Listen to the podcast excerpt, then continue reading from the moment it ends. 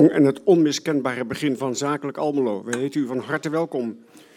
U bent niet massaal komen opdagen, maar u moet maar zo denken. Kwantiteit gaat altijd, eh, sorry, kwaliteit gaat altijd boven kwantiteit. Goed, uh, we gaan het hebben over een aantal eh, actuele onderwerpen. Over verduurzaming, energietransitie en ondernemerschap. En daarvoor hebben wij twee gasten uitgenodigd. De eerste heeft reeds plaatsgenomen, André Dolsma van Credits. En we hebben ook um, Gerard de Haan, directeur van... Uh, ik ben even maar apropos, sorry, dat komt door die kwantiteit en kwaliteit. uh, van de Kogas uiteraard. Martin is er klaar voor, Dick de Rijter is er klaar voor, Denise, Anna en Teun van Ledenboer zijn er ook klaar voor. U zo te zien ook, dus laten we beginnen credits. Uh, eind juni bracht onze vorstin, koningin Maxima, een bezoek in Almelo om hier de nieuwe de vestiging van uh, credits te openen.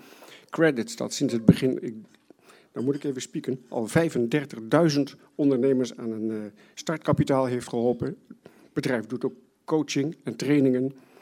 Um, in Maxima heeft zij dus een uh, vurig en enthousiast pleitbezorgster, maar net zo enthousiast is André Dolsma, die hier is aangeschoven. En hij is uh, werkzaam als uh, commercieel directeur uh, bij Credits. Om nog een paar feitjes te noemen over kwantiteit en kwaliteit gesproken. In 2008 is de organisatie begonnen. Heel klein, de villa hier verderop. Ja. Vijf mensen. Ja. En zie hier, nu 125 mensen ja. in dat prachtige nieuwe hoofdkantoor. Ook iets verder verderop.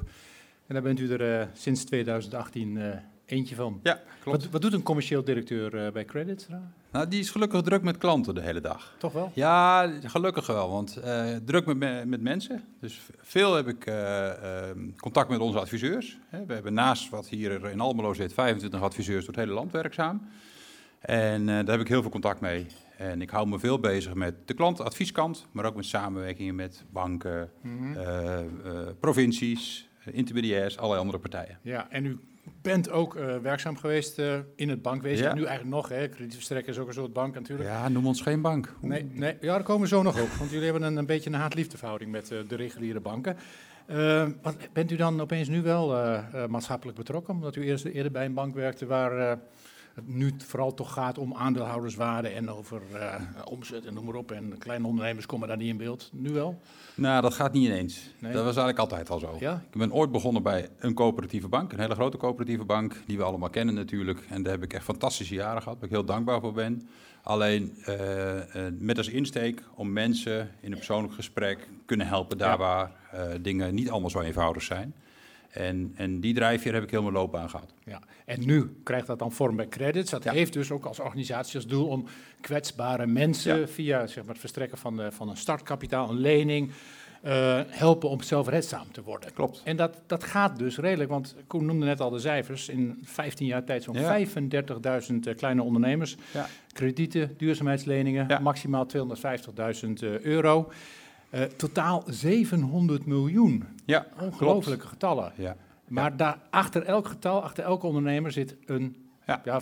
waarschijnlijk, hopelijk, een succesverhaaltje van dat iemand het gered heeft, het gaat redden. Ja, maar het zijn niet allemaal succesverhalen. Nee, nee, nee, dat is, zo werkt het leven nu helemaal niet. Maar um, kijk, wat je ziet bij ons, wij helpen die mensen die een bedrijf starten, die wellicht een loondienstervaring hebben gehad. Mensen hebben een uitkeringssituatie, zelfs mensen uit de WNZP, wetschuldsanering afgerond, gaan toch weer opnieuw ondernemen. Uh, dat is de doelgroep ook heel erg waar we mee begonnen zijn in ja. 2008, 2009. Die echt via de reguliere kanalen geen toegang konden krijgen, zowel niet tot financiering. Bij de bank, grootbanken kregen ze te horen van sorry, je hebt geen eigen Klopt. geld, je hebt geen onderpand Klopt. en we hebben geen interesse, je kost alleen maar geld, dus ga maar verder. Ja. Ja, dat zijn, het zijn ook hoogrisicoposten. Het zijn ook uh, klanten die je, je, echt in de ogen moet kijken. Waarbij uiteindelijk de mens, de ja. man of vrouw erachter, ja. uh, die bepaalt of je daar vertrouwen in hebt en of je daar gaat financieren. Dat, dat uh, is een belangrijker criterium dan een mooi doordacht businessplan? Ja, ja. Het is en en. Hè. Kijk, ik bedoel, iemand kan fantastisch uit zijn woorden komen en een heel goed verhaal hebben. Maar als hij ergens iets gaat beginnen waarvan wij zeggen, ja, maar er is geen vraag in de markt voor, dan gaat het hem ook niet vliegen. Nee. Maar andersom is natuurlijk veel vaker het geval. Want jullie krijgen per dag zo'n uh, 120, ja. ruim 100 aanvragen. Ja. Uh, contactmomenten, laat ik het zo zeggen. Hè. Um, en daarvan wordt eigenlijk uh, dezelfde dag of de volgende dag driekwart afgewezen. Dat, nou, is, wel, dat, is, dat niet, wel vrij kil. Ja, nou, maar dat is niet de volgende dag. Dat moeten we wel even okay. nuanceren. Dus uh, anders zouden we zo'n algoritme hebben van wel of niet. Hè? Ja. Dus dat is absoluut niet zo. Kijk, wat je wel ziet, komen heel veel klanten bij ons met een idee. Er zitten ook mensen met hele goede ideeën bij, er zitten ook gelukzoekers bij. En die proberen wij eruit te filteren. Wat zijn gelukzoekers dan? Nou ja, mensen met een plan waarvan die denken in het eerste jaar gelijk een miljoen omzet te draaien met 4 ton winst. En we gaan kijken wat ze doen en denken, hmm, dat is eigenlijk nog niemand gelukt. Dus is dat realistisch? Ja. Maar wat je ook ziet, is dat zeker in deze tijd heel veel aanvragen krijgen van ondernemers die best al wat schulden hebben of schuldenproblematiek hebben. Dan is de vraag, moet je daar weer een lening gaan bijzetten? Uh, en wij, uh, dus je moet het een beetje zo zien, een derde van wat bij ons binnenkomt, van die 100 per dag, valt sowieso af door schuldenproblematiek, gelukzoekers of geen plan of wat dan ook. Daarna, van wat er overblijft, is ongeveer een derde komt niet door de screening heen bij die adviseur. Als je dat optelt, blijft er ongeveer 25% over van wat we uh, uiteindelijk financieren. En zo'n financiële verbindenis, zo'n lening, heeft een duur van vijf jaar? Ja, ja gemiddeld vijf jaar. Hoe wordt zo'n ondernemer dan uh, verder begeleid dan door jullie gedurende die periode of een kortere periode? Ja. Gemiddeld is vijf jaar. Hè. Uh, we hebben eigen adviseurs, die zijn bij ons een lonies, dus die blijven gewoon contactpersoon Waarvan voor u die, net al zei, van die zitten verspreid overal. Ja, ja. die wonen van Sittard tot aan Noord-Friesland, tot aan Zwolle, Randstad, overal wonen die. We hebben naast Almelo nog vier andere vestigingen waar ze ook samenkomen. En die begeleidt dus die uh, klant in die beginjaren. En daarnaast zetten we heel vaak coaching in. Daar gaan we het zo misschien nog wel even over hebben. Maar dat zijn vrijwilligers die verbonden zijn aan credits. Vaak ook ex-ondernemers. Ja, ja ex-ondernemers, mensen met een financiële achtergrond, mensen met een marketingachtergrond. En die zijn een hele belangrijke rol als onafhankelijke sparingspartner voor die klant. En die begeleiding, die, uh, die geven heel veel. Waaruit zich dat in qua resultaat dan? Want je kunt iemand op weg helpen, maar ja, je bent pas echt een ondernemer als je um, het, het, het, in goede en slechte tijden volhoudt. En ja. um, dus meerdere jaren uh, overeind blijft. Ja. Hoe, hoe, is jullie succes? Ja, wij doen daar onderzoek naar. We vragen ieder jaar aan onze klanten de, uh, een soort impact-vragenlijst, noemen we dat. dat. dat. willen we graag weten hoeveel medewerkers je hebt aangenomen, je economische groei, omzetgroei, maar ook of je nog bestaat. Gewoon een simpele vraag. Ja. En daarbij zie je na een jaar of vijf dat nog uh, 92% nog steeds een actief bedrijf heeft. En is dat een cijfer wat jullie tevreden stelt? Ja, dat vinden we super tevreden. Dus het is best wel hoog. Als je, Zeker als je vergelijkt met uh, de Kamer Koophandelscijfers.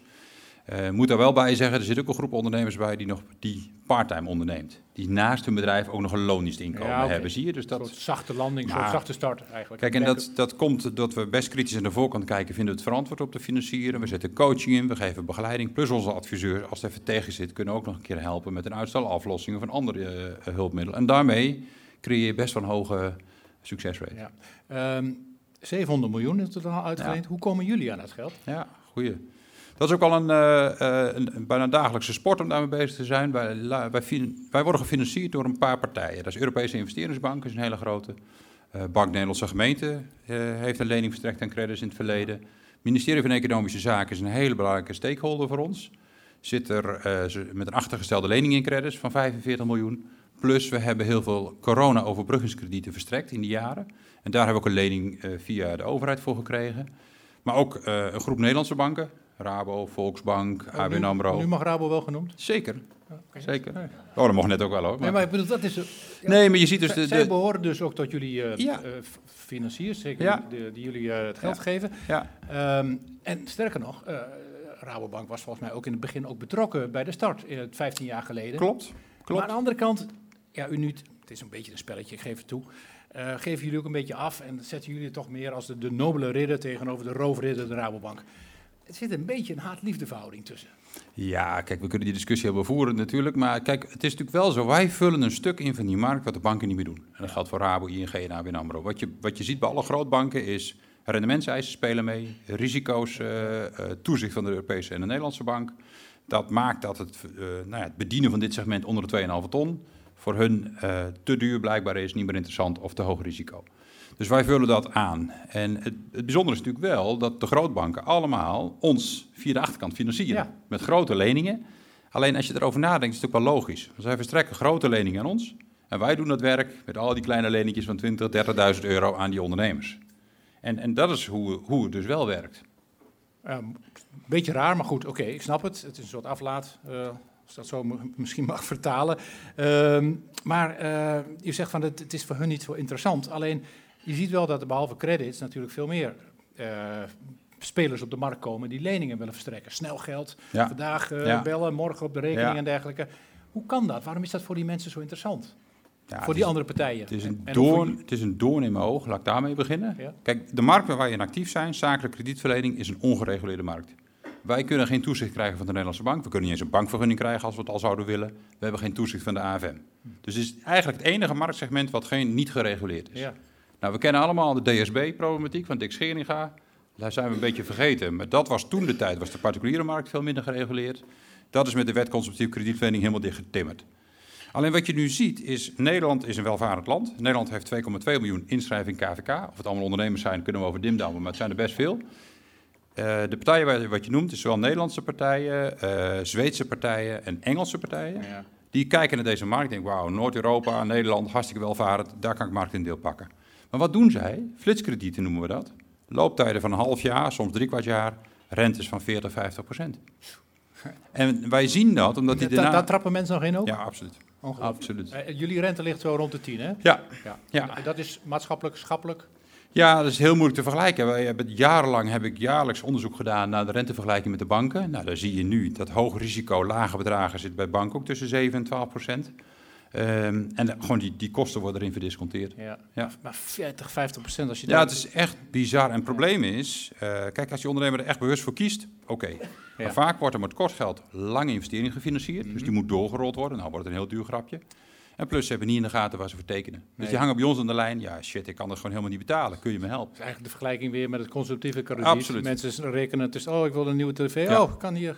Dus er wordt nu wel een gedragscode gemaakt voor die financiers. Moeten ze zich gaan houden. Maar ja, het is natuurlijk uiteindelijk maar één, uh, is, één, één leidraad. is toch rendement. Ja. Daar zit hij in. Het zijn allemaal aandeelhouders gedreven partijen.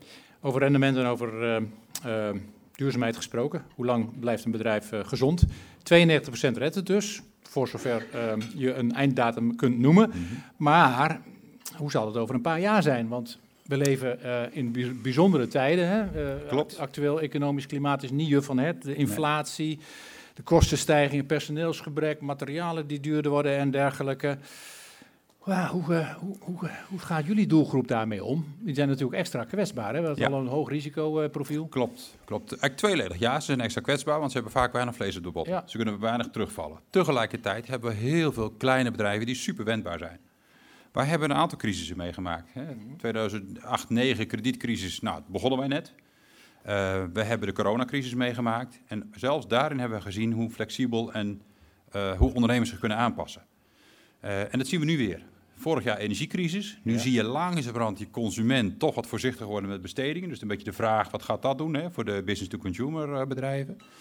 Uh, maar we zien die wendbaarheid en die kracht van ondernemers. Ja, dat, vind ik echt super gaaf om te zien. Daar verbaas ik me wel over uh, hoe goed het nog relatief gaat, ook in onze portefeuille. Ja. Aan de andere kant signaleren jullie ook, want jullie hebben zo'n uh, zo'n monitor. Ja, hè, die, kleinbedrijfindex. Ja, ja. kleinbedrijfindex dat uh, de bedrijven eigenlijk wat achterblijven met hun innovatie bijvoorbeeld. Ook een belangrijk onderwerp. Ja.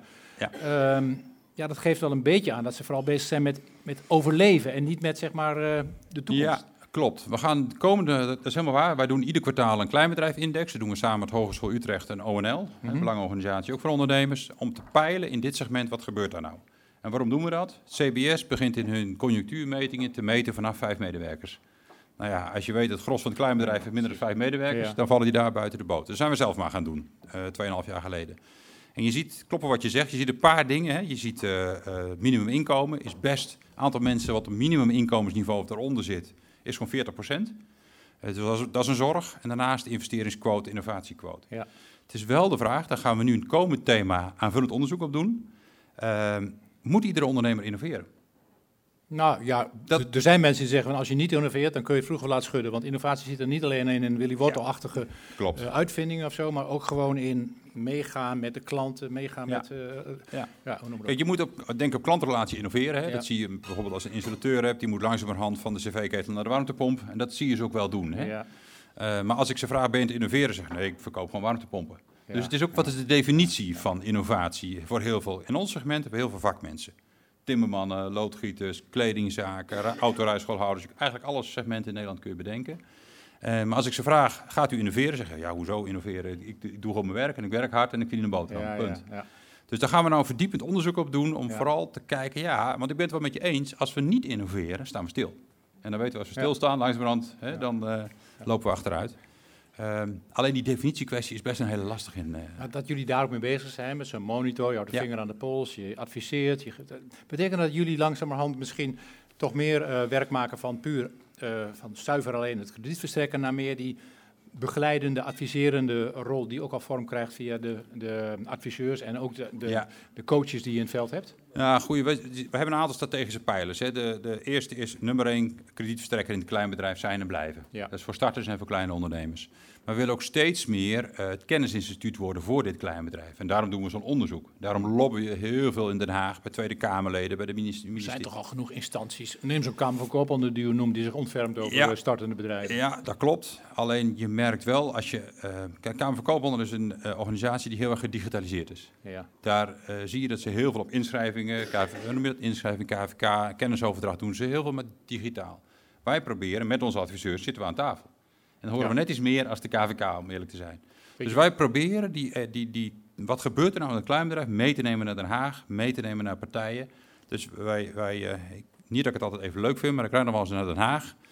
Uh, en dan mocht je dan uh, met Tweede Kamerleden of ambtenaren in gesprek om, om ze maar mee te nemen. Wat gebeurt er nou echt in dat kleine bedrijf? Ja. Oh, maar dan bent u wel gerustgesteld door al die verkiezingsprogramma's en die nieuwe slogans van al die partijen. Want die hebben het alleen maar op bestaanszekerheid. We moeten nu bestaanszekerheid. We moeten er zorgen dat mensen niet door de ondergrens zakken. Nou, dat, dat Als ze waar maken dan, dan ben ik er erg enthousiast over. Maar ja, maar hoe, hoe luistert nou, weet je, het is... Het is um, kijk, het probleem vind ik wel eens als ik in Den Haag praat over ondernemers, of die en ik, maar wij als credits dan is er een beeld van ondernemers. Dat zijn mensen hele grote auto's, DGA-salarissen. En daar kan ik wel wat vandaan halen. Dus die VPB kan wel wat omhoog of ja, nou, noem maar op. Dat zijn de ondernemers die, die geholpen worden door de politiek. De kleinere, ja. kleinere ondernemers minder. Ja, precies. Ja. Dus dat geluid van die kleinbedrijfondernemer, van die starter, wat gewoon 80% van ondernemen in Nederland is. Hè, ja. Dat proberen wij over de bühne te krijgen. Ja.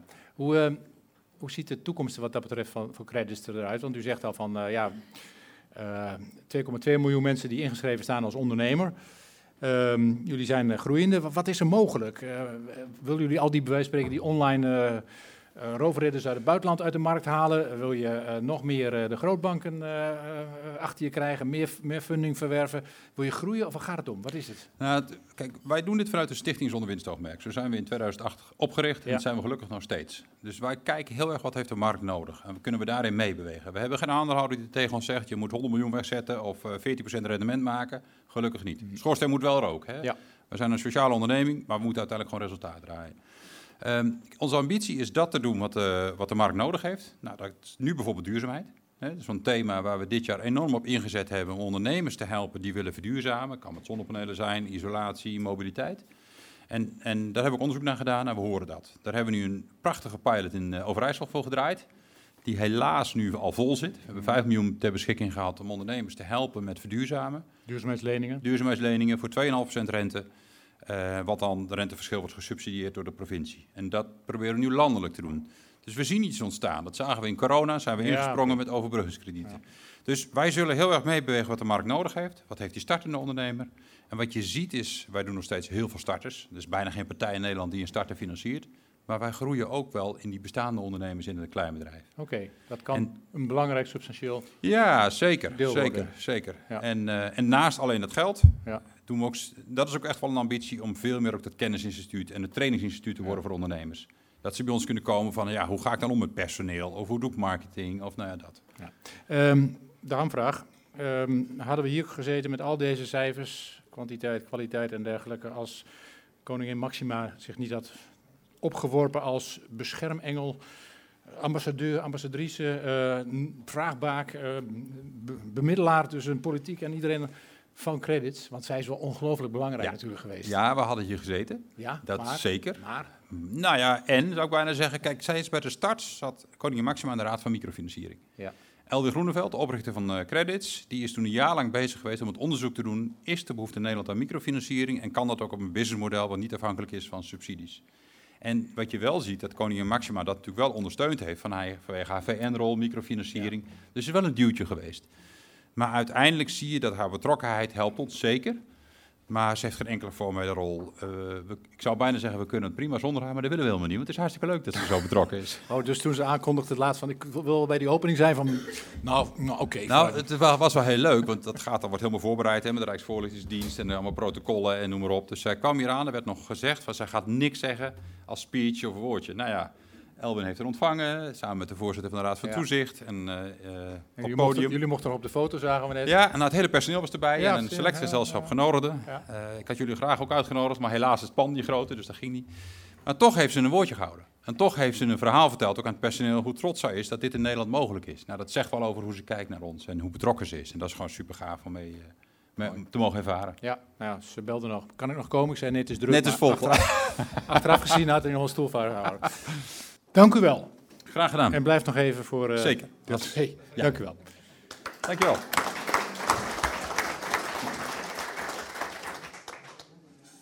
Dank André Dosma voor dit enthousiaste en verhelderende betoog.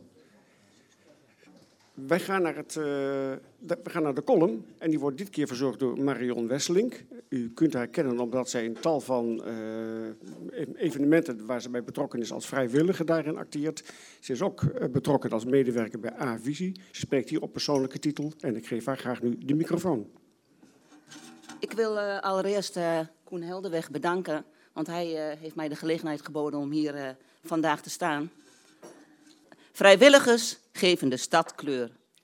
U bent ondernemer of hebt de leiding over een productiebedrijf, bank of kantoor.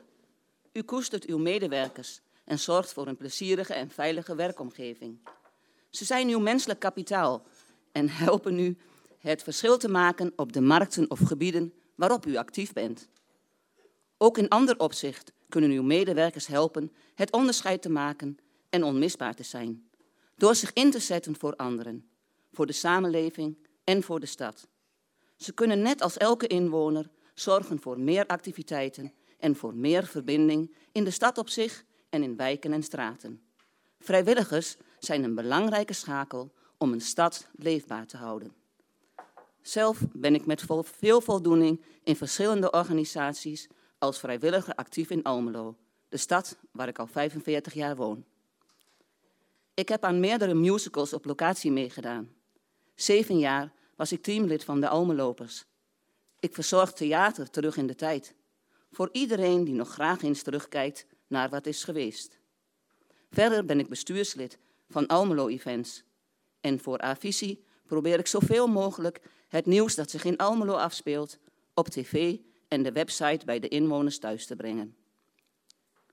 Musicals als van Katoen en Nu het verzet kraakt van katoen en water en onlangs de Lomo zijn evenementen die gedragen worden door vrijwilligers. Deze musicals laten zien hoe een stad kan verbroederen en haar trots kan geven. De stichting Almelo Events organiseert jaarlijks een groot aantal evenementen, zoals Koningsdag, het Havenfestival, de Twentse Fietsvierdaagse, Almelo op het Rabat, de Week van de Amateurkunst de intocht van Sinterklaas, Winters Almelo en het Kerstkorenfestival. Alle activiteiten worden door louter vrijwilligers gerealiseerd. Met deze evenementen zorgen ze voor vertier voor jong en oud en proberen ze zoveel mogelijk bezoekers te trekken.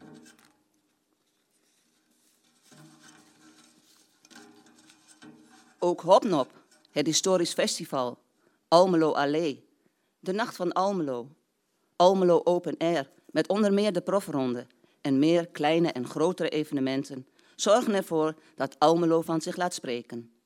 Almelo werd ook dit jaar gekozen als beste doorkomststad voor de Europa Run. Naast de eer leverde dit 22.000 euro op, dat de Almeloers mogen doneren aan de zorg voor mensen die in het laatste stadium van een ernstige ziekte verkeren, de palliatieve zorg. Het Natuurhuis, vrijwel midden in de stad, is grotendeels door vrijwilligers tot stand gekomen. Zo geven vrijwilligers de stad in vele facetten kleur. Onze stad telt dus jaarlijks een groot aantal evenementen. Niet alleen onderstreept dat het motto Almelo altijd wat te doen. Het zou ook aanleiding kunnen zijn om naast groen, water, techniek en talent evenementen als vijfde speerpunt van het stedelijke promotie- en marketingbeleid op de kaart te zetten. Het is vaak schipperen, met de minimale middelen die via gemeenten en sponsoren wordt verkregen. Door bezuinigingen is men regelmatig genoodzaakt een evenement in afgeslankte vorm gestalte te geven. Dat maakt de inzet van vrijwilligers extra belangrijk. Een groot aanbod aan evenementen is een van de criteria op basis waarvan een stad een grote aantrekkingskracht heeft. Andere zijn onder meer groen en water, een gunstige ligging ten opzichte van werk en natuur, een historische kern, een gevarieerd aanbod van stedelijke voorzieningen, recreatiemogelijkheden en horeca. In Heracles Almelo heeft de stad een sympathieke betaald voetbalorganisatie. Hoe aantrekkelijker en mooier een stad is, des te beter bedrijven en goed opgeleide potentiële inwoners kan aantrekken. Zo'n stad doet het beter op gebied van bevolkings- en banengroei en weet meer hoger opgeleiden binnen te halen. Je wilt iets bijdragen aan de samenleving en laat je medewerkers graag groeien door hen mogelijkheden te bieden om ook als vrijwilliger een rol in de samenleving te laten vervullen. Zo geef je ook invulling aan maatschappelijk betrokken ondernemen. Medewerkers van een onderneming die hun tijd en kennis beschikbaar stellen door bij te dragen aan eenmalige of meerjarige activiteiten.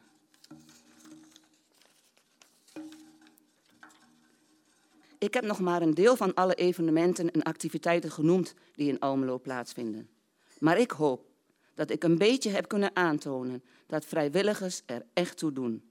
Dat zowel de gemeente als het bedrijfsleven beseft hoe belangrijk de vele evenementen voor de stad zijn. Ze kunnen net dat beetje extra jus aan een stad geven en het saamhorigheidsgevoel verhogen. Ik ben blij daar persoonlijk een steentje aan te kunnen en te mogen bijdragen in verschillende vrijwilligersorganisaties. Almelo biedt ons handenvol kansen om een nog mooiere en gevarieerdere stad te realiseren. Uw medewerkers kunnen daarin een rol spelen en het maakt u een nog aantrekkelijker werkgever.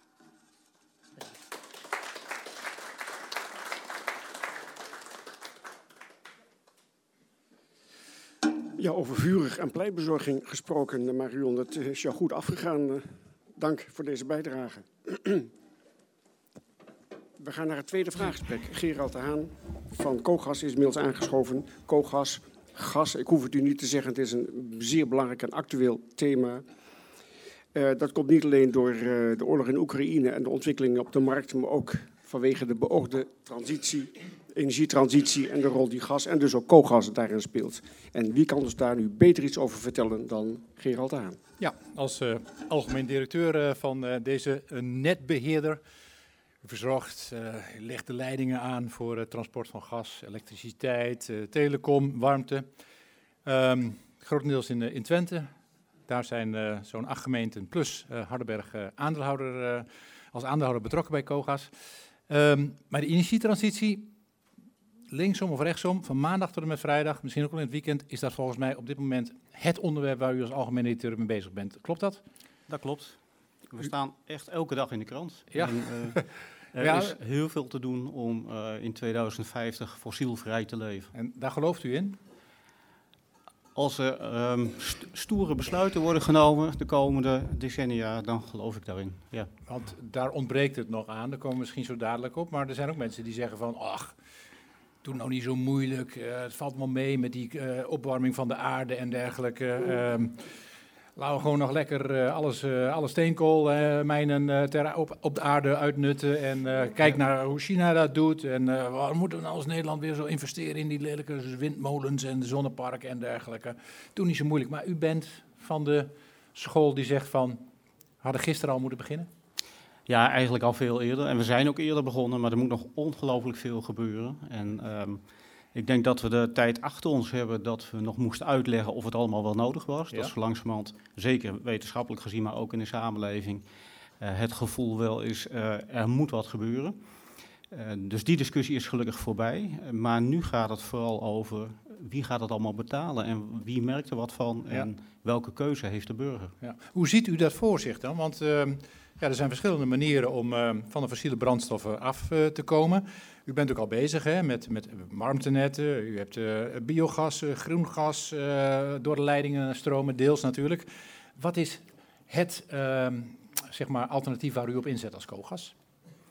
Nou, ik denk dat het allerbelangrijkste is dat we alles nodig hebben. Ik zeg omgekeerd ze wel eens, we hebben van alles tekort. Hm. er gaat heel veel aandacht uit naar uh, zonne-energie en windenergie. En dat, snap ik, dat zijn zware ingrepen in het landschap en ook in de, Kijk in de maar samenleving. hoe fraai dat kan zijn. Ja, ik vind het mooi, maar uh, niet iedereen nee, vindt het kom op. Nee, vind je echt mooi? Ik vind het echt mooi, ja. Ik, vind het ook, ook heel erg jammer dat hier de hoogspanningskabels waarschijnlijk onder de grond gaan verdwijnen. Maar dat zal wel beroepsdeformatie zijn. Goed. Maar ja, oké. maar de boodschap is heel helder. We hebben alles nodig. Dus we hebben zon en wind nodig. Uh, we hebben verzwaring van onze elektriciteitsnetten nodig. We hebben hernieuwbare gassen nodig. Maar we hebben ook warmtenetten nodig. Ja. En op den duur ook waterstof. En als we die hele energiemix niet gebruiken, dan gaan we er niet komen. Maar mikt u dan als COGAS ook op al deze uh, genoemde middelen? Nee, want wij zijn netbeheerder. Ja. Hè, dus wij leggen netten aan voor elektriciteit en gas en warmte. Wij mogen niet produceren, dus wij hebben zelf geen windmolens. Nee, maar je kunt als je een kabel aanlegt, een leiding, of een, sorry, een leiding aanlegt, dan kun je niet daar op dag 1 biogas doorheen gooien, op dag 2 waterstof. Je moet toch wel een nee. beetje uh, focussen. Dat klopt. En um, dan is het van heel groot belang dat we op regionale schaal kijken, wat is nou de beste energiemix? Ja. Kijk, ik hoor wel zeggen van, geef ons maar groen gas. Ja, als iedereen dat zegt, uh, dan gaat het op Twentse schaal niet lukken. Nee. He, dus we moeten ook echt kijken van waar zitten we nou ja, groen gas in? ja, nou, dat ja. doe je bijvoorbeeld op plekken waar je geen andere mogelijkheden hebt. Ja. Waar zet je all-electric in? Dat doe je in nieuwbouwwoningen, maar wordt in oudere bestaande woningen echt een hele tour. Daar is uh, warmtenet, stadsverwarming weer uh, de beste aangewezen optie voor, lijkt me.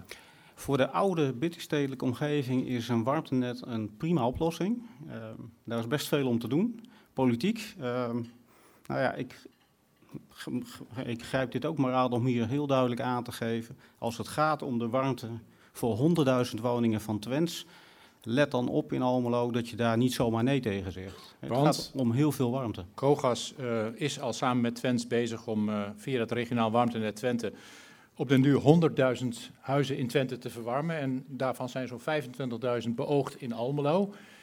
Alleen uh, de politiek in Almelo loopt daar nog niet echt enthousiast de Polonaise voor. Nee, het zijn er wat minder. Het zijn in Kogasgebied 25.000 en in Almelo zou het om 10.000 tot 12.000 okay. woningen kunnen gaan. Maar de politiek blijft daar niet zo enthousiast over? Nee, en daar zit een, een, een, ja, een heel verhaal achter, maar de kern is eigenlijk um, de relatie tussen Almelo en Twents. Nou, daar ga ik niks over zeggen, daar ben ik ook niet van. Um, Die is niet zo goed? Wat mijn boodschap is, is uh, als je nee zegt tegen de oplossing van restwarmte uh, ja. voor oudere woningen, dan veroorzaak je ook een heel groot probleem. Maar waar, waarom zegt Almelo dan nee? Want u zit aan tafel met uh, ja. de politiek en uh, u hoort dat van, van, van Twents, u hoort dat uh, van de politiek hier. Wat hebben ze dan... Kijk, dat, dat de verhoudingen verstoord zijn, dat, dat klopt. Maar dan moet je toch een keer overheen kunnen stappen. Je moet toch ook denken aan de best duurzame oplossing. En als dat, ik geloof u dan maar even, op uw blauwe ogen, van dat, dat warmtenet is de beste voor de, de oudere huizen. Daar heeft Almelo er ook wel mm -hmm. genoeg van. Dan ga je toch niet op principes deze optie terzijde schuiven. Wat, wat zit erachter? Nou, dat is echt niet aan mij om daar wat over te zeggen. Uh, toch, mijn oproep is heel duidelijk. Uh, als jij als uh, Almelo nee zegt tegen de warmte van Twents, dan gaat het gewoon naar een andere gemeente. En wordt het misschien wel ingezet voor woningen die je ook wel op een andere manier kunt verduurzamen. En als daarvoor nodig is dat, ehm, dat je als gemeente geen zaken rechtstreeks met Twents doet, maar met een, met een andere samenleving. Als je de restwarmte niet van Twents wil hebben, maar op een andere manier. Ja, dan gaan we daar wel uitkomen.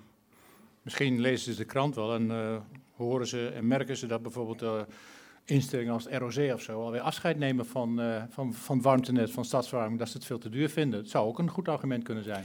Nou ja, dat, dat kostenaspect is best een punt. Hè. Um, als je warmte krijgt van een warmtenet, van een warmteleverancier, heb je geen vrije keuze. Nee. Dus er wordt heel vaak gedacht, dan val ik in handen van een monopolist. Uh, dat is niet het geval, want ook de warmtemarkt is volstrekt gereguleerd. De ACM, Autoriteit Consumentenmarkt, die let op de tarieven. En die grijpt ook onmiddellijk in als wij tarieven voor onze warmtenetten hanteren die hoger zijn dan toegestaan. Maar die tarieven zijn wel gekoppeld aan de gasprijs. En de gasprijs is nog best redelijk hoog. Zeker, en, en dat uh, gaat veranderen. De wet wordt gewijzigd. Ook, ja, dat, betekent, dat betekent toch niet per definitie dat de prijs gaat dalen, of wel? Dus het betekent alleen dat, de, dat die warmtenetten in handen van publieke instanties moeten komen. En dat de commercie daar niet zeg maar, van die model van kan maken. Dat is toch de wetswijziging? Dat, is, dat gaat voor de warmtenetten op. Wat ik bedoel is het niet meer dan anders principe, wat nu nog gekoppeld is aan de gasprijs. En dat gaat veranderen. Ja. Maar je kunt je huis, als je wilt, uh, als particulier op een goedkopere manier verwarmen dan uh, via stadsverwarming. Nou, dat is de vraag. Um, als je nou bijvoorbeeld kijkt naar wat er afgelopen jaar is gebeurd met de gasprijs, uh, dan is er iets heel bijzonders gebeurd. Vorig jaar moet ik zeggen. Uh, de tarieven voor warmte worden aan het begin van het jaar bepaald. Mm -hmm. Dat leek nog hoog aan het begin van vorig jaar. Uh, vervolgens gingen de tarieven voor gas enorm ja. stijgen. En waren onze warmteklanten, die waren vorig jaar spekkoper. Die, uiteindelijk waren die goedkoper af dan de gasklanten. Daar kun je ook alles van vinden, maar goed, uh, u weet wat er in de wereld gaande mm -hmm. is op dit moment. Maar het imago van een, stads, uh, een warmtenet dat dat altijd duurder is dan gas, dat is dus absoluut niet waar. Wat zijn de ervaringen van, uh, van u met, uh, met stadsverwarming? Want in Windmolenbroek ja. loopt al een project. Gaat het goed? Ja, dat ligt er al 25 jaar. Ja. En wij hebben daar een paar jaar geleden hebben we daar net een nieuwe centrale aangekoppeld. ja, dat gaat prima. Het draait op biomassa, hè? dus niet op de warmte van Twents, voor alle duidelijkheid. en wordt een beetje aangevuld ja. met, met aardgas als het capaciteit in koude dagen in gedrang komt. Nou, we beginnen eigenlijk met stortgas uit het Rikkering. Dus de eerste 20% is uh, afkomstig van een oude stortplaats.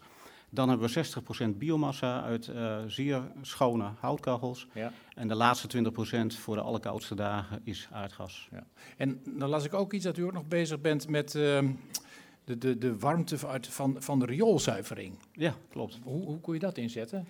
Nou ja, dat is lage temperatuurwarmte. Hè. Bij Twents hebben we het natuurlijk steeds over hogere, te hoge ja. temperatuurwarmte. Lage temperatuurwarmte is als basis prima geschikt. En dan ga je het vervolgens in huis ga je het opwaarderen naar de temperatuur die je nodig hebt. Maar het is natuurlijk ja, het is 10, 12 graden. Het is van een veel lagere temperatuur dan bijvoorbeeld restwarmte van industriële bedrijven. Ja, maar rioolwaterzuiveringsinstallaties heb je her en der. Hè? Uh, ook uh, rond, de, rond de steden, overal in Twente liggen die wel. Kan dat een substantiële bijdrage gaan leveren? Nou, of het substantieel wordt, dat weet ik niet. Maar we zijn bezig samen met de gemeente met een project in de Aalderingshoek... waar uh, de rioolwaterzuivering als een bron wordt gebruikt. Ja. Um, biogas, uh, ook al net al even de revue laten passeren van die grote zeg maar, installaties. U hebt daar ja. ervaring mee opgedaan in Vleringen, dacht ik. Um, op uh, acht plaatsen. Op acht ja. plaatsen ja. zelfs, nou, meerdere, meerdere plekken. Is dat alleen geschikt voor het, uh, voor het landelijk gebied? Um, biogas is een, een, vorm van hernieuwbaar gas. Die wordt opgewerkt, heet dat, naar groengas. En dan heeft het dezelfde kwaliteit als aardgas, als Groningsgas, ja. Groningsgas.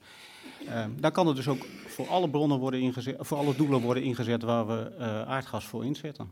Maar je moet wel die leiding natuurlijk leggen. Dat klopt. Ja. ja. En dat, uh, wat wij doen is de leiding vanaf de opwerkinstallatie van vaak de agrariër naar ons transportnet leggen. En vanaf daar gaat het gewoon in het uh, aardgasnetwerk. Ja. Over leidingen gesproken, toch nog even terugkomen op die mogelijkheid uh, om de restwarmte van Twents te gebruiken. Dat Hengelo en Enschede daar al verder mee zijn, is op zich dan ook logisch, want die liggen uh, echt op steenworp afstand van Twents. Ja. voor Almelo komt er nog wel een paar kilometer bij. Um, hoe, ja, dat betekent ook meer kosten. Hoe, hoe, gaat, hoe, ja. hoe, wordt het dan toch aantrekkelijk voor Almelo om daar gebruik van te maken? Nou, daartussenin ligt nog Borne. Hè. Die gaan we als het goed is ook meenemen. Ja. En de leiding die we daar proberen aan te leggen de komende jaren... dat is een leiding van zo'n formaat... dat uiteindelijk de warmte ook door kan naar Almelo.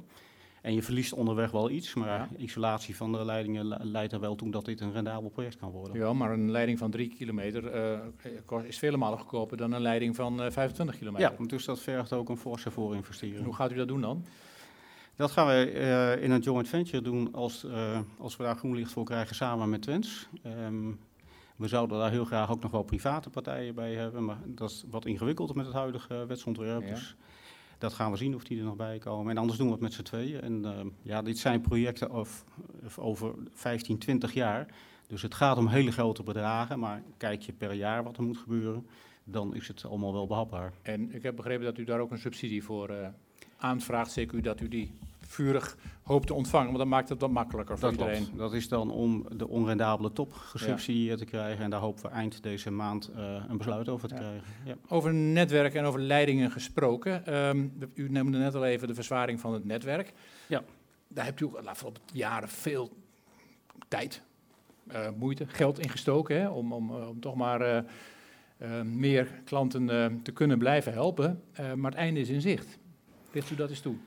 Ja, daar hebben we echt op dit moment een groot probleem. Congestie noemen we dat. Uh, we hebben net moeten afkondigen dat ook in Almelo uh, grote afnemers, grootzakelijke verbruikers geen aansluiting meer kunnen krijgen. En ook nieuwe uh, verbruikers of mensen die meer willen van u? Beide. Dus nieuwe ondernemers kunnen geen ja. aansluiting meer krijgen en bestaande ondernemers kunnen geen verzwaring meer krijgen. Dat is echt een groot probleem. En we hebben echt jaren nodig om dat op te lossen. En is dat een besluit wat over de hele linie geldt? Dus uh, vandaag kon het nog, morgen niet meer. Uh, en of is dat per sector, dat u zegt van ja. nou, ja leuk, uh, maar dit draagt niet echt bij aan, aan het maatschappelijk welbevinden. dus wacht jij maar. Oh, maar deze ziekenhuis, dat ziekenhuis dat wil uitbreiden, dat is misschien wel handig om dat toe te staan. Hoe werkt dat?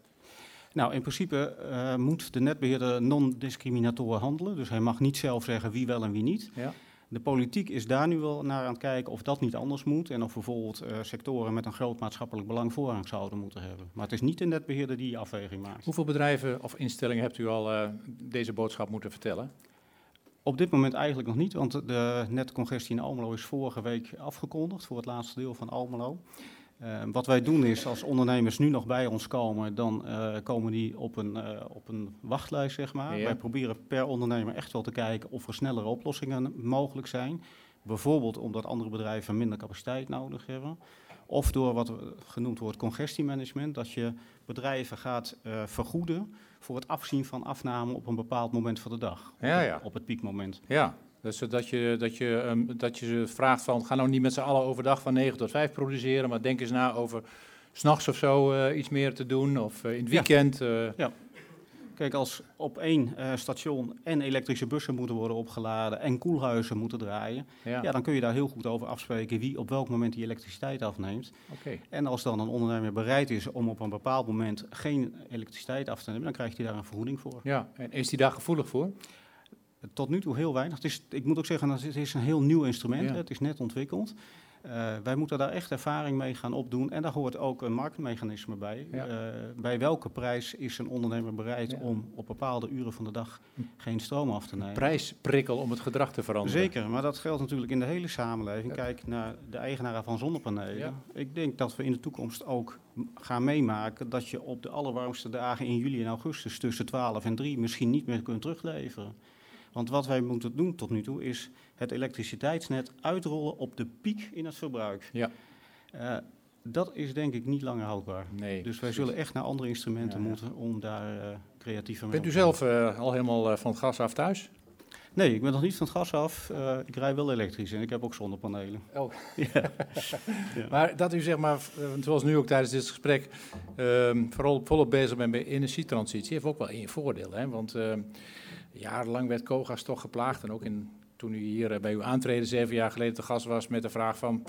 heeft dat allemaal wel nut wat Kogas daar doet? Klein spelletje in Twente en zo. Uh, is dat wel toekomstproef? Maar daar wordt u niet meer mee lastiggevallen. En u nee, kunt schermen nee. met de prestaties, want die zijn goed. Zeker, zeker.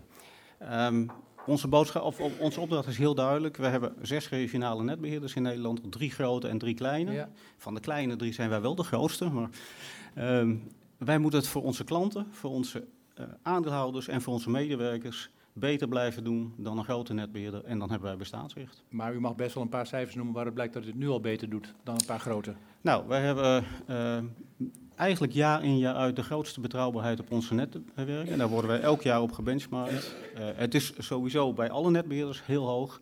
Maar wij zijn bij, staan eigenlijk elk jaar op de eerste of de tweede plek. Ja. En onze tarieven zijn net wat lager dan van een aantal andere netbeheerders. Dus in die zin heeft de klant op twee manieren baat bij onze netwerken. Als er wat gebeurt, dan zijn we er snel bij om het op te lossen. En uh, in onze ogen ook nog tegen redelijke tarieven. Ja. En wat is uh, in 2050 de situatie? Dan hebben we een, uh, wat ik net noemde, een energiemix waar we in alle uh, hernieuwbare vormen zo goed mogelijk gebruiken. Uh, Misschien hebben we dan op land wel geen windmolens meer nodig, want er komt zoveel energie van wind op zee dat dat omgezet zal worden naar waterstof. Mhm. Ehm, uiteindelijk denk ik dat wind op land geen, haalbare, uh, geen houdbare optie is, maar als transitiemaatregel hebben we dat zeker nodig. Overgangsmaatregel. Zeker. Ja. Ehm, maar dan hebben we natuurlijk nog, nog weer veel meer verduurzaamde huizen en ook veel meer nieuwbouw die volledig elektrisch zal zijn. En ehm, ja, wij zijn nu al met groengas op zo'n 4% van het verbruik. Wij verwachten dat we uiteindelijk van het toekomstige gebruik tot zo'n 40% met groengas kunnen komen. Nou, u zei wel, we kunnen in 2050 de energietransitie als geslaagd beschouwen als er politiek moedige besluiten worden genomen. Zoiets zei u volgens mij. Nou, één zo'n besluit hebt u al ge op gehind, dat Almelo, de gemeente, gewoon mee moet doen met dat, uh, dat warmtenet, uh, met de warmte van Twens. Um, wat zijn andere moedige besluiten waar u uh, op zit te wachten? Nou, het gaat nu natuurlijk ook heel erg over waar komen de windmolens in de zonneparken. Um, nou, vertel maar. In de weilanden dus, heb ik u net horen vertellen. Ja, dit, is, dit zijn echt politieke besluiten. wat wij hebben gedaan in, hebt de, verstand van. in de regionale energiestrategie, dat is berekenen ja. hoeveel er nodig is. En vervolgens is het aan de politiek om te bepalen waar windmolens en waar zonneparken komen. Maar ik, ik, ik, ik, versta het toch goed met de linker en de rechter. U zegt gewoon van, zit niet zo te zeuren en te miepen en te ageren tegen windmolens. Dit dus zo plaatst die gewoon. Dat zegt u toch? Nee, ik zeg, we hebben alles nodig. En ja, maar ook, dus, ook windmolens, en zonneparken. En zelfs biomassa. Maar windmolens, er staat nog geen windmolen in Twente. Nee, maar en we leven in 2023. Ja. Dan zegt u toch ook met mij van, als je echt serieus dat afspreekt, dan moet je ook uh, B zeggen. En dan moet niet elke gemeente of elke buurtschap... Dat is wat ik bedoel, uh, stoere besluiten Ja, oké. Ehm, we hebben, we hebben alles nodig. Ja. En daar hoort ook bij dat je niet zomaar een bron uitsluit, want dan wordt het weer uh, schaarser bij de andere bronnen. Warmtenet, uh, windmolens, zonneparken. Ook een verkiezingsonderwerp, want D66 is nu ook opeens een beetje om kernenergie. Is dat ook iets... Ja, uh, grote omslag dit weekend bij D66. Um, kernenergie is weer bespreekbaar, ook natuurlijk door de ontwikkeling op de energiemarkt. Uh, daar hebben we natuurlijk niet direct mee te maken, maar het zal wel betekenen dat wij onze, energie, uh, onze elektriciteitsnetten nog verder zullen moeten verzwaren als er door het aanbod van kernenergie nog meer met elektriciteit wordt gedaan. Maar u vindt het niet vreemd dat we in Nederland langzamerhand na periodes van, na decennia waarin we ageerden tegen kernenergie, maar recent nog naar Fukushima, heel veel landen uh, kernenergie direct al buiten de deur hebben gezet, dat we nu toch weer op onze schreden terugkeren? Ik denk dat het nodig is. En ik vraag me ook wel eens af of zeg maar, de demonstranten van de jaren tachtig nu niet denken, nou, was dat nou wel zo wijs om tegen een schone energiebron met allerlei bezwaren die eraan kleven, die verhul ik niet, maar uh, nee te zeggen, want dat betekent wel dat we nog veel langer fossiel hebben moeten gebruiken. Ja, met alle gevolgen van dien hoor ik. Ja. ja. Goed, dank u wel voor de, huidige uh, en ook een blik in de toekomst. Nee, met oog op de tijd ook, want ik zag net al iemand uh, met een hele dringende reden, namelijk al het pand verlaten. En we proberen altijd een goed uurtje te praten, waarna u nog de gelegenheid hebt om even met elkaar gezellig door te praten. Dat gaat ook wel lukken. Uh, ik bedank u alvast voor uw betoog. Ja, applaus. Gedaan. Ik geef Koen weer het woord. Ja, dat zal ik niet al te lang nemen. Dank Gerald de Haan. Het was een uh, zeer verhelderend, zeer uh, ja, interessant betoog. Het blijkt trouwens ook al uit de vragen die werden gesteld. Overigens ook bij het eerste onderwerp. Bert Hummels heeft hem al een paar keer vragen horen stellen. Hij wil zich ook verder nog niet onbetuigd laten, want hij heeft spontaan aangeboden op de zeepkist, die we op dit moment niet bij ons hebben, want dat wisten we niet, om op de zeepkist plaats te nemen om in drie minuten het pleit te bezorgen voor, en dat weten we ook nog niet. Maar we zijn, we zijn gespannen. Bert Hummels, wie kent hem niet? Nee, nee, nee, nee, nee, nee, ik deed dat niet opzettelijk. Het was wel een extraatje. Maar uh, ja, het is heel moeilijk om, om zomaar ergens het pleit voor te bezorgen. Maar ik vroeg of er iemand voor de zeepkist was. En ik denk, nou, zo'n uitgeleide wil ik wel maken. En dan kijken wat er gebeurt. Want ik wilde eigenlijk een pleidooi voor Almelo houden. En uh, dat is voor een deel al gebeurd door, nou ben ik jouw naam alweer kwijt, maar Mariolijn of zoiets. Of, maar, ik weet dan niet. Oh ja, kijk, hangt heel erg goed. Uh, want ik vind Almelo nog steeds een hele bijzondere stad. Ik uh, kom net terug van een maand Hongkong. Ik ben in Bangkok geweest en in Macau. Dat zijn ook hele bijzondere steden, maar ik vind Almelo nog steeds heel bijzonder. Maar ik merk ook dat er steeds meer gekke dingen gebeuren in Almelo. En dat ligt voor een groot deel aan ons. Uh, en ik hoop dat ik dat kan veranderen. Als de Almelo nou eens bedenkt hoe mooi het is dat Almelo zo actief is en dat er zoveel gebeurt. En dat de moet soms opletten hoe ik het zeg, maar nee, ik zeg het gewoon zoals ik in elkaar zit. Als alle piepers zich nou wat vaker stil zouden houden Want uh, ik merk dat er heel veel in de stad gebeurt. En elke keer zijn er mensen die, wat het ook is, ergens moeilijk over doen. En ik vraag me af hoe wij hier kunnen bepalen dat het beter gaat.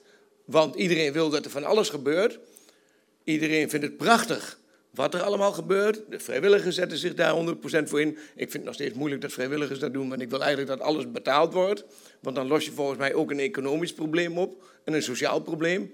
Maar ik ben benieuwd hoe wij, hoe jullie, voor elkaar kunnen krijgen dat Almelo, ik heb niet eens zoveel tijd meer nodig, zie ik, dat Almelo en de Almeloers en alle import kunnen zorgen dat er een positievere instelling ontstaat. En ik sta hier niet voor mezelf, ik sta ook niet voor waar ik allemaal bij hoor, maar eigenlijk sta ik hier voor jullie. Maak er alsjeblieft wat mooiers van in plaats van al dat gepiep. Ja.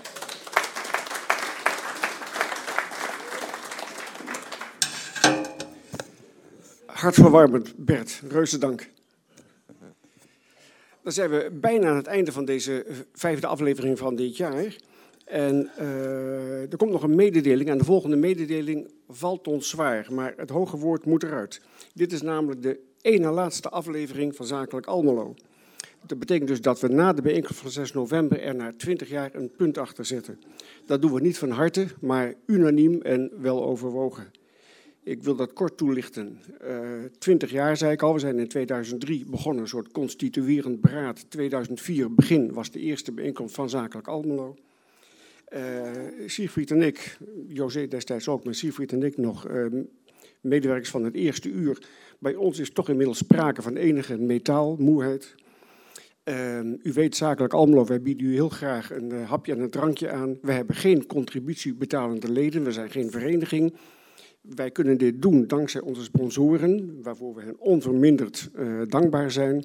Alleen inmiddels die inkomsten wegen niet meer op tegen de ook ja, sterk gestegen kosten. En, um, en wat ook, ik, heb al, ik maak even die vergissing tussen kwantiteit en kwaliteit.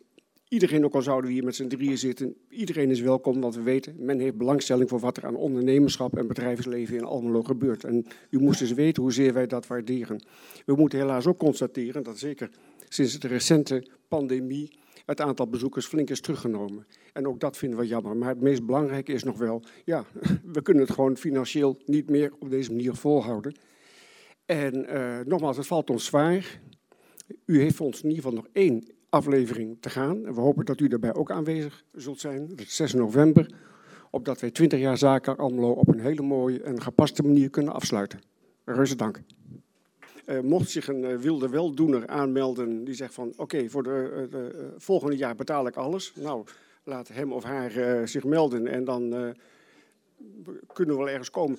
Wat onverlet laat overigens, is dat wat ik wel ook noemde, bij Siegfried en mij uh, sprake is van metaalmoeheid. Hoe leuk wij het ook vinden. En wij roepen niet de politicus na die zegt van ik heb nog genoeg ideeën en energie. Die energie en idee hebben we op zich wel. Maar het is ook tijd dat na zoveel jaar, ja, dat er wat verjonging, wat vernieuwing plaatsvindt. Mogelijk ook dat de formule iets wat sleets is geraakt, of schoon ik hem nog steeds uh, goed vind. Um, maar ja, niets is voor de eeuwigheid, maar niets is definitief. Dus ja, wie zich aanmeldt, uh, we gaan graag in gesprek. En uiteindelijk natuurlijk toch nog een heel plezierige avond. Dank voor de komst en belangstelling en komt u goed thuis.